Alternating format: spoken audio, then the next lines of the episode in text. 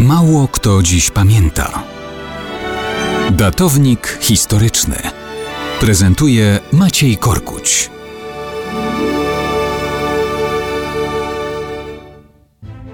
Z wielu stron będzie dzisiaj przypominany pamiętny 4 czerwca 1989 roku. Jedni mówią, że to wielkie święto wolności i demokracji, inni, że nie ma czego świętować. Kto ma rację? Wszystko zależy od tego, od jakiej strony na czerwcowe wybory spojrzymy. Jeśli popatrzymy jak na wybory jako takie, to obraz nie może być zbyt kolorowy.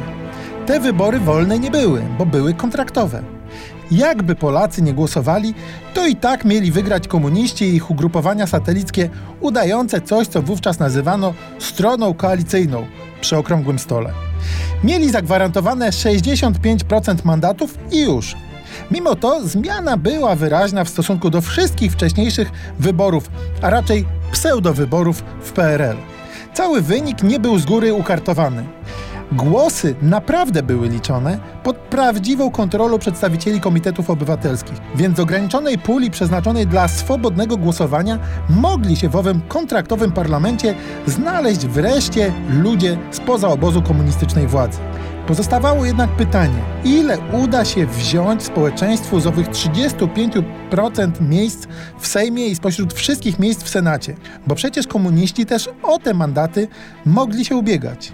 I tutaj mamy drugi wymiar 4 czerwca 1989 roku. Plebiscyt. Z pytaniem, w jakiej skali i kogo naprawdę popiera społeczeństwo. I pod tym względem to było prawdziwe zwycięstwo wolności i cios dla komunistów. Praktycznie wszystkie mandaty z owych 35% w Sejmie i prawie cały Senat obsadzili Polacy kandydatami Solidarności. Więcej, pokazali, że nie chcą kontraktów okrągłostołowych, ale prawdziwej wolności, dodatkowo odsyłając w niebyt komunistyczną listę krajową.